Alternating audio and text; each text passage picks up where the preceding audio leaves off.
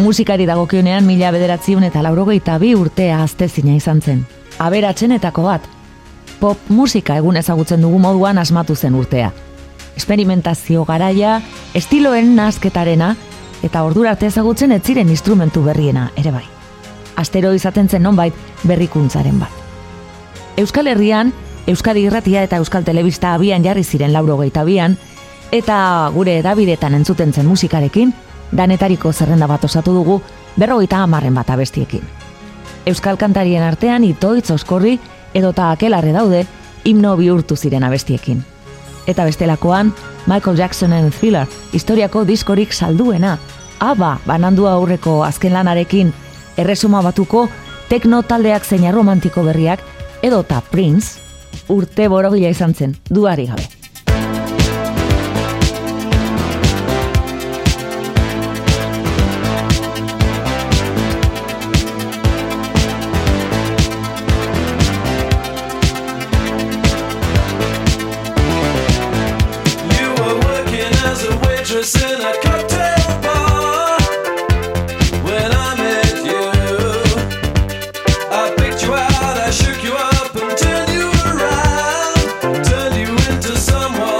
The Human League and Don't You Want Me laurogeiko amarkadako hasiera markatu zuen eta synth popa mundu osoan zabaldu zuen. Phil Oki taldeko liderran erabentzako aldizkari batean inspiratu zen, eta bitxikeri bat, hau da diskoti gutxien gustatzen zitzaion abestia horregatik agertzen da azken tokia. MTV-ko videoklip sonatuenetakoa izan zen.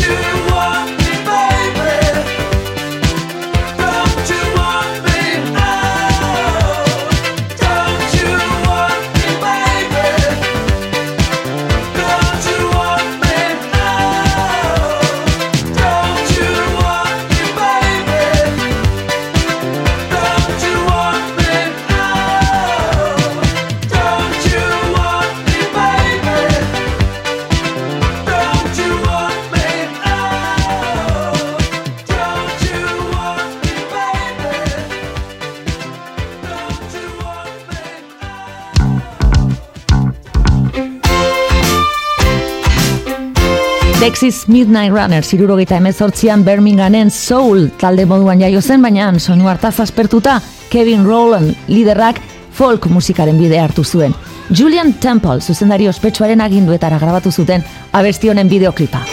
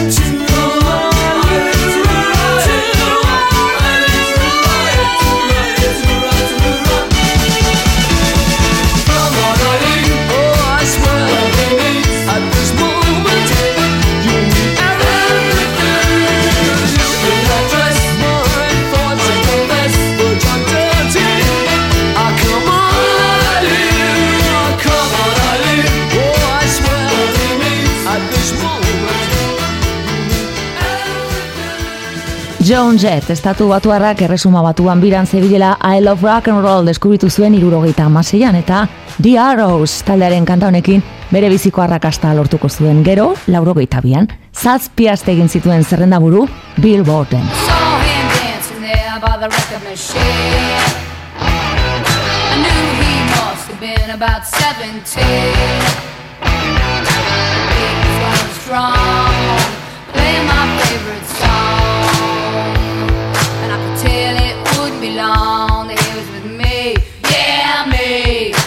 And I could tell it wouldn't be long that he was with me,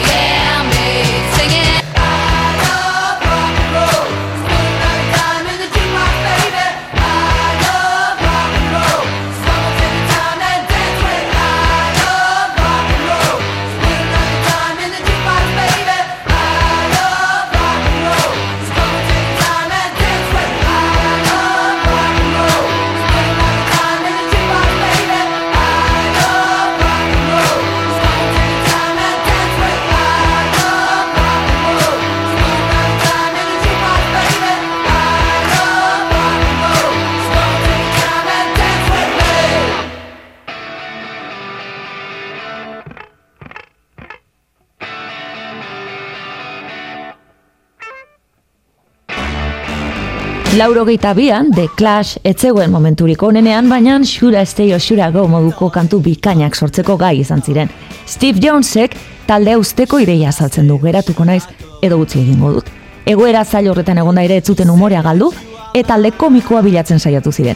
Lenda biziko estribilotik aurrera korua gazteleraz. Abesten dituzte, jomen frio olo soplo, eta ulertzea kosta egiten zaigu, Ekuadorreko dialektoa erabiltzen baitute. This indecision's bugging me. Indecision may molest If you don't want me, set me free. Exactly whom I'm supposed to be. Don't you know which clothes even fit me? Come on and let me know. Should I cool it or should I blow?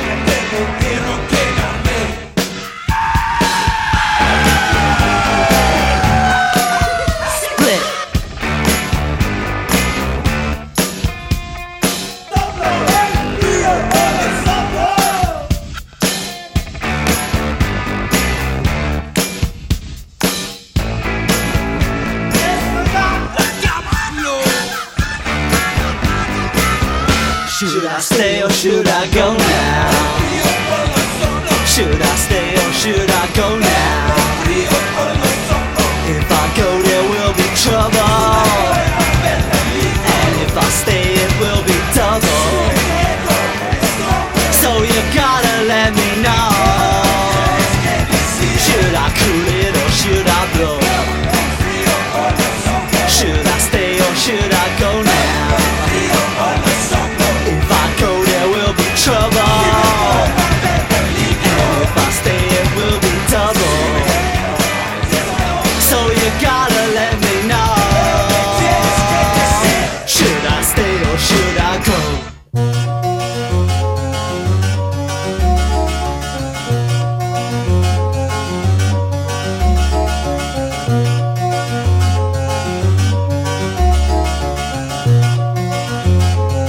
The Stranglers talea punk mugidaren garaikoa zen The Clashen antzera baina Hugh Cornwell abeslariaren taldeak oraindik ere gogotsu segitzen zuen.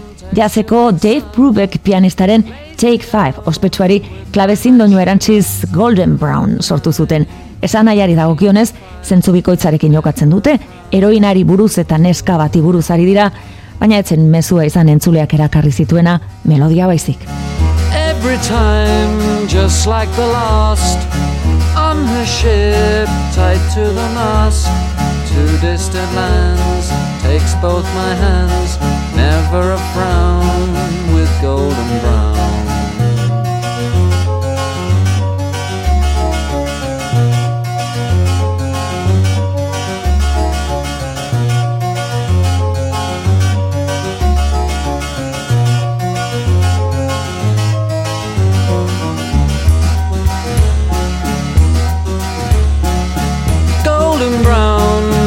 A temptress. Through the ages she's heading west.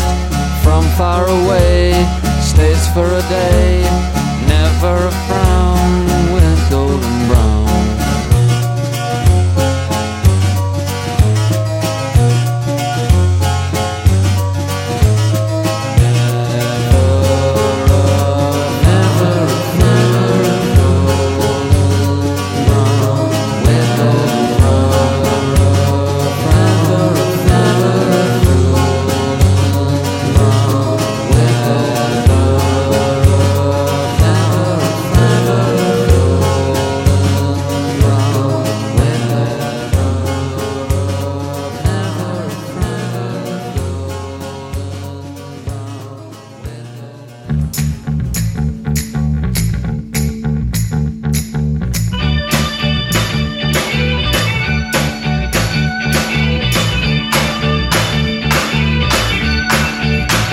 Arrigarria da de jamen town colmalis moduko kantu printzipio zalai eta dantzagarri batek ze letra iluna gordetzen duen Margaret Thatcherren politika neoliberalak ingalaterran sorturiko ondorioetaz ari da.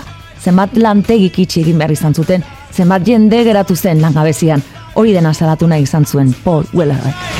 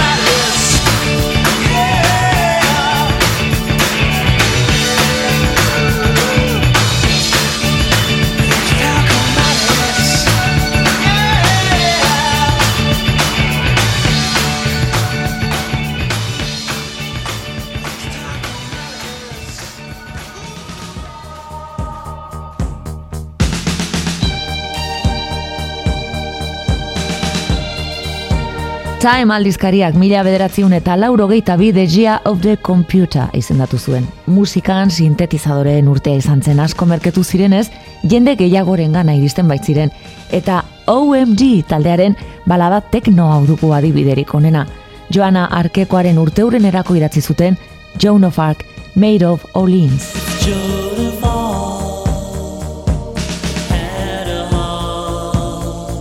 she gives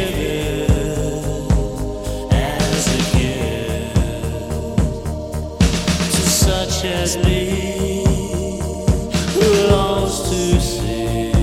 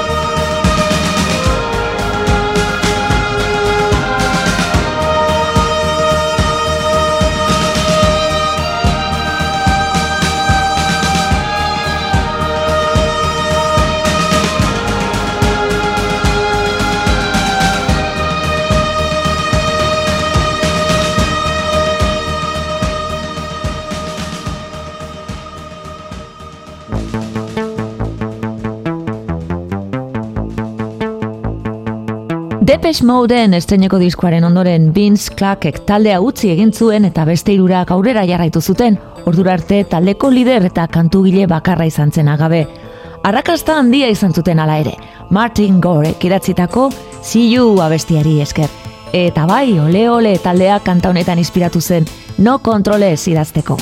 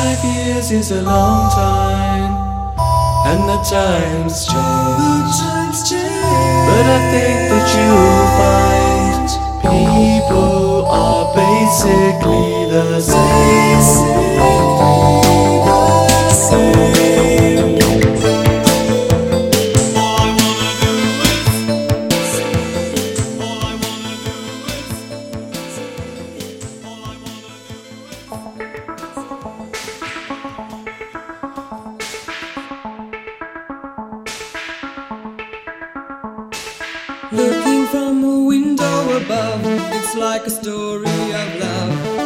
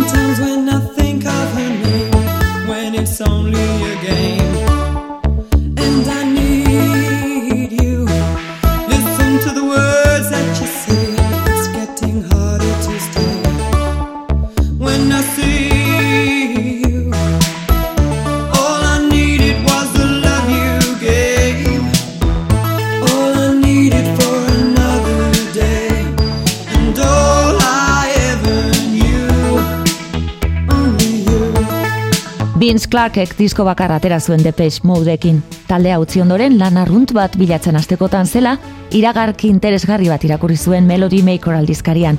Alison Moye abeslaria bikotekide bilari zen, eta jazu taldea sortu zuten elkarrekin. Only You izan zen euren lehen singela. Synth poparen klasikorik handienetako irazi zuten.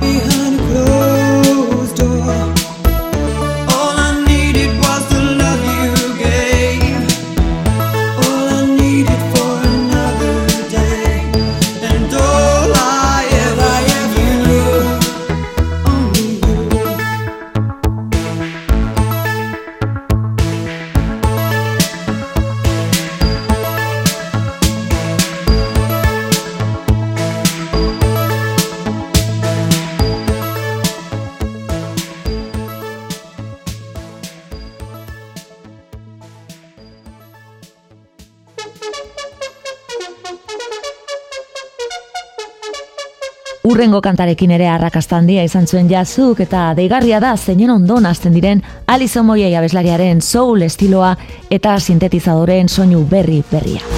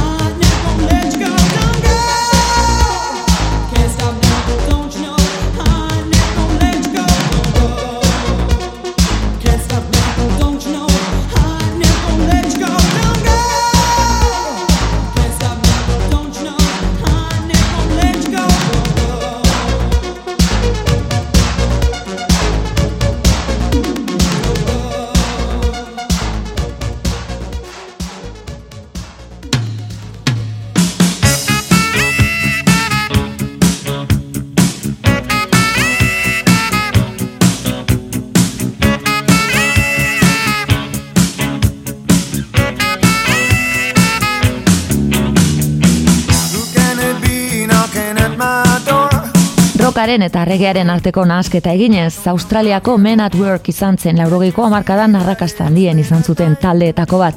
Who Can It Be Now, mila bederatzion eta laurogeita biko hitsonatuenetakoa izan zen. The Police gogorarazten duen erritmoa, zein saxo naiz gitarra riferanzkorrak ditu, eta Colin High abeslariaren taldea izan zen MTV kateko ospetsuenetako bat, videoklipetan erakusten zuten umoreari esker.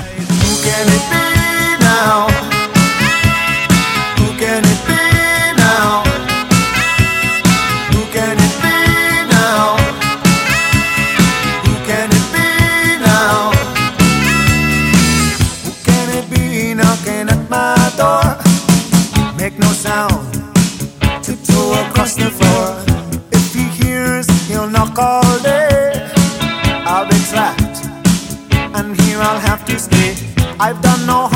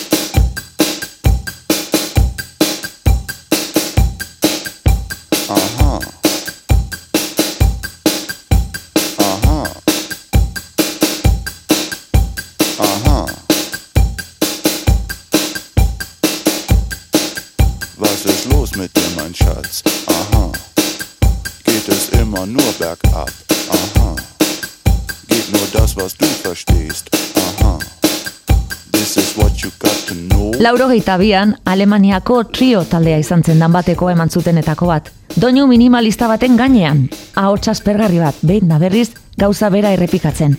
Gitarra eta perkusio soilez lagunduta. Ja, da, da, hemen toki guztietan entzuntzen, eta Europan bakarrik, iru milioiale saldu ziren. Da. da da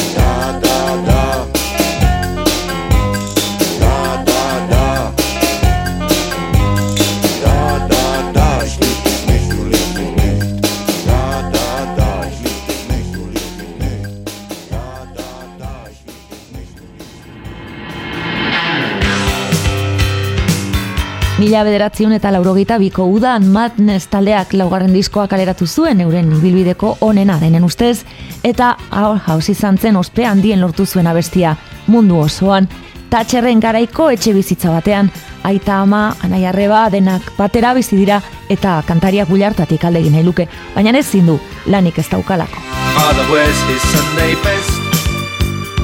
Mother's tired, she needs a rest. The kids are playing up downstairs Sister's sighing in her sleep. Brother's got a date to keep He can't hang around. Our house In the middle of our street. Our house In the middle of our Our house, it has a crowd. There's always something happening And it's usually quite loud. Our mum, she's so house proud. Nothing ever slows her down, and a mess is not allowed. Our house in the middle of our street.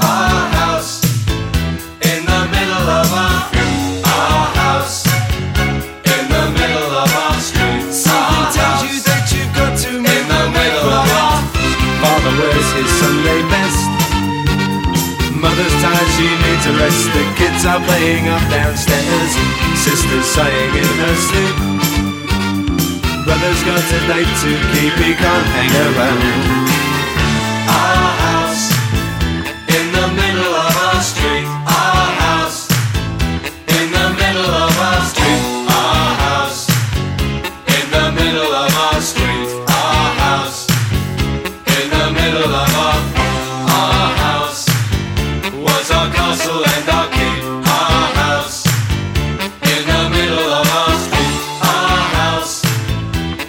was where we house in the middle of our street, our house.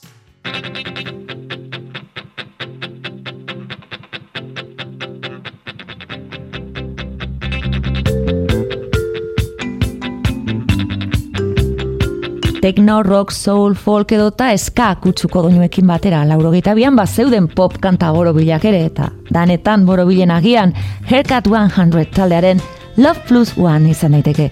Gehien saldu zuen talde ingelesa izan zen urte hartan, baina askotan gertatu egiten bezala handi gutxira desegin ziren eta Nick Hayward abeslari eta kantugileak bere kontura jarraitu zuen.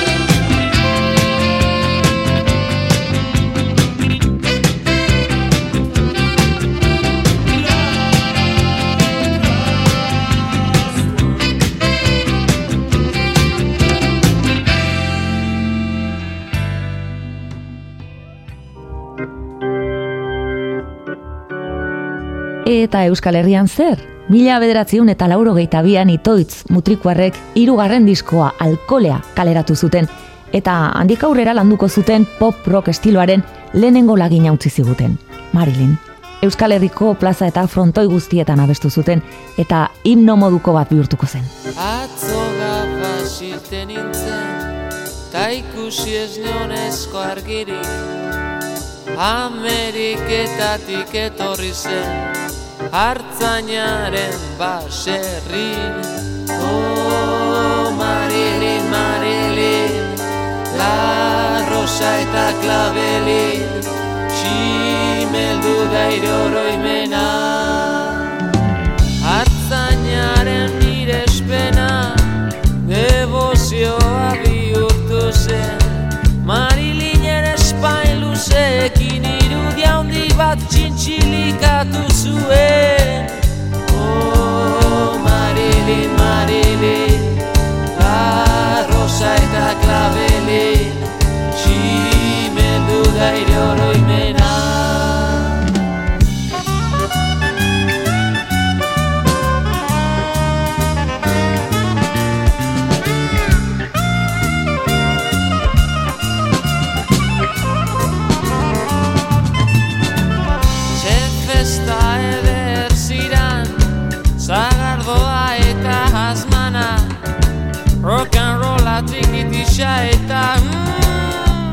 latino, latino, latino.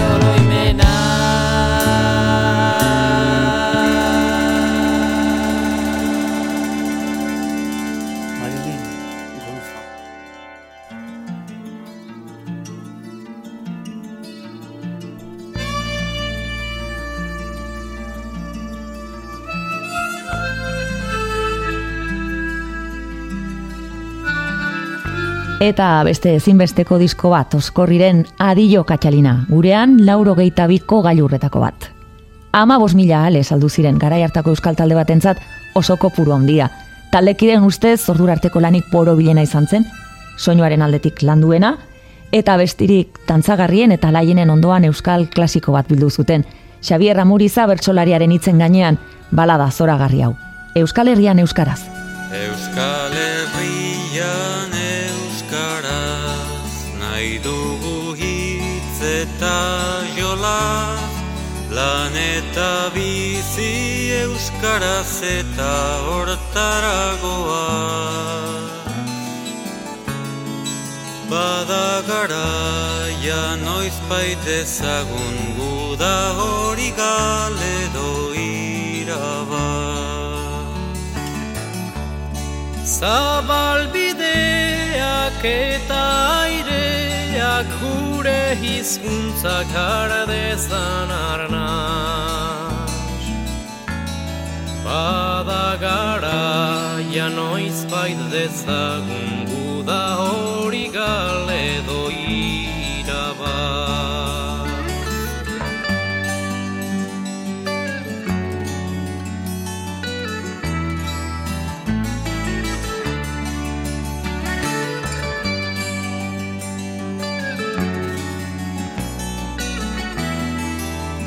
Euskal Herrian Euskara Itz egiterik ez bada. Bota dezagun demokrazia zerri askara Geure harima hiltzen usteko bezain odol galduak ezkara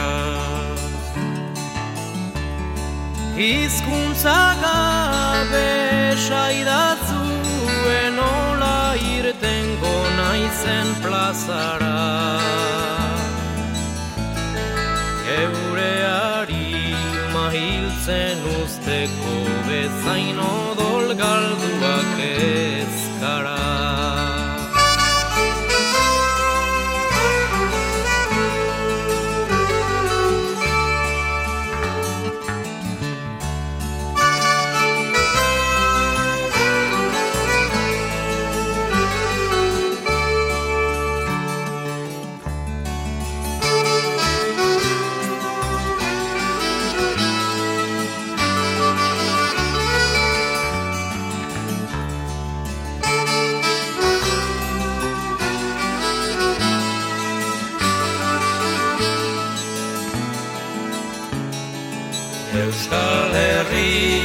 Euskalduna irabazteko eguna Pazientzia erre aurretik behar duguna. Ez aldakizu Euskara dela Euskaldun egiten gaituena Zer euskalen hilitzake bere hizkuntza ere galtzen duena. Ez aldakizu euskara dela euskaldun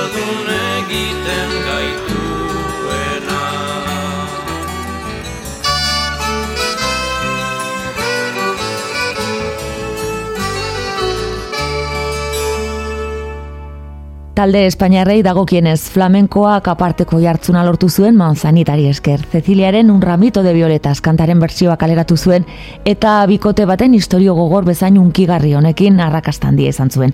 Milioi bat disko inguru salduz. Era feliz en su matrimonio, aunque su marido era el mismo demonio. Tenía al hombre un poco de mal genio, ella se quejaba de que nunca fue tierno. Desde hace ya de tres años recibe cartas de un extraño, cartas llenas de poesía que le han devuelto la alegría.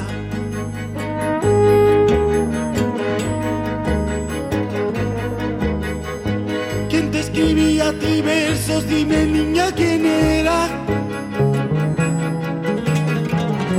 ¿Quién te mandaba flores primavera? Noviembre, como siempre sin tarjeta, sí. Te mandaba yo un ramivito de que violeta, sí.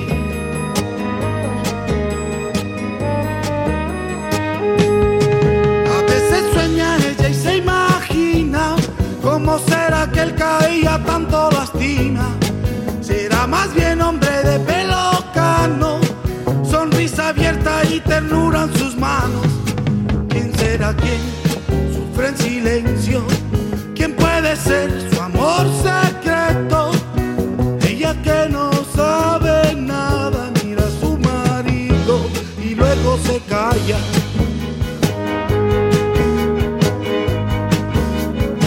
¿Quién te escribía a ti? Dime niña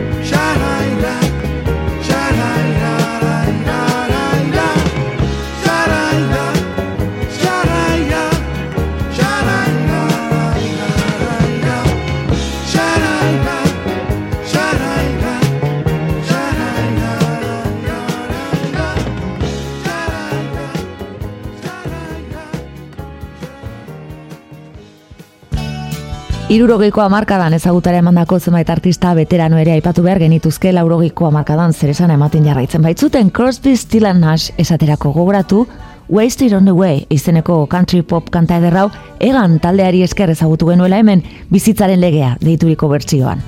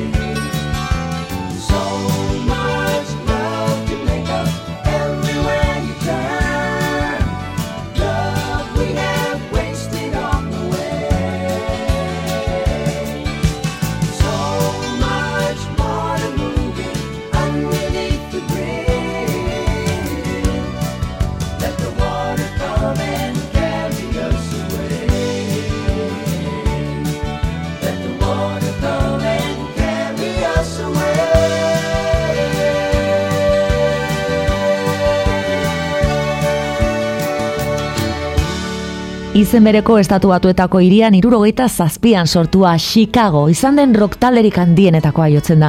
Mila bederatziun eta laurogeita bian Peter Cetera buru zutela Chicago amasei eman zuten argitara eta gailurra jo zuten Hard to Say I'm Sorryrekin.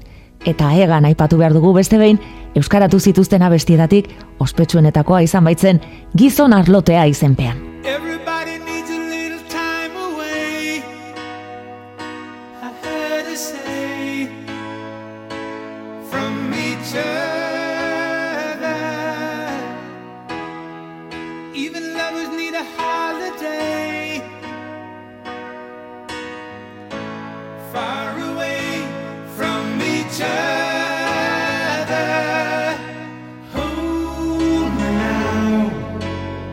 for me to say I'm sorry.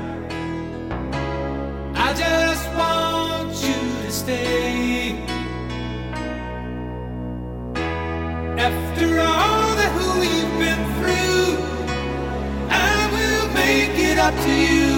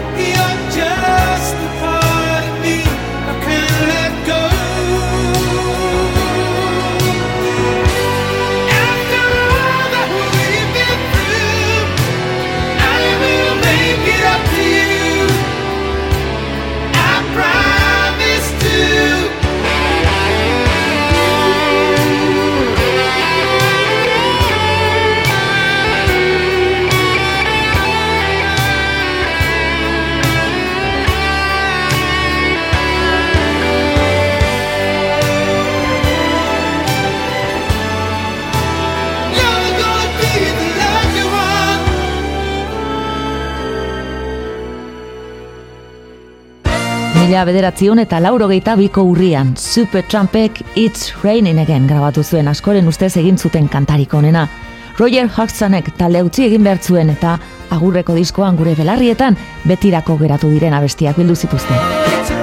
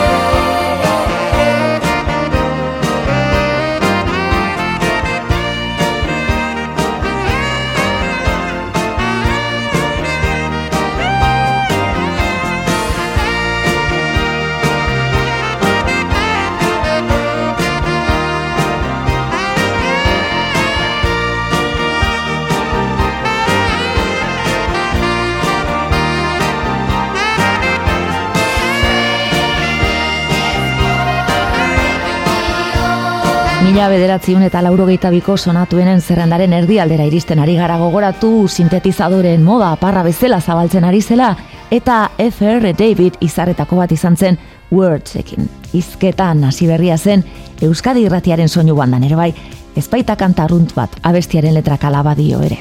Words.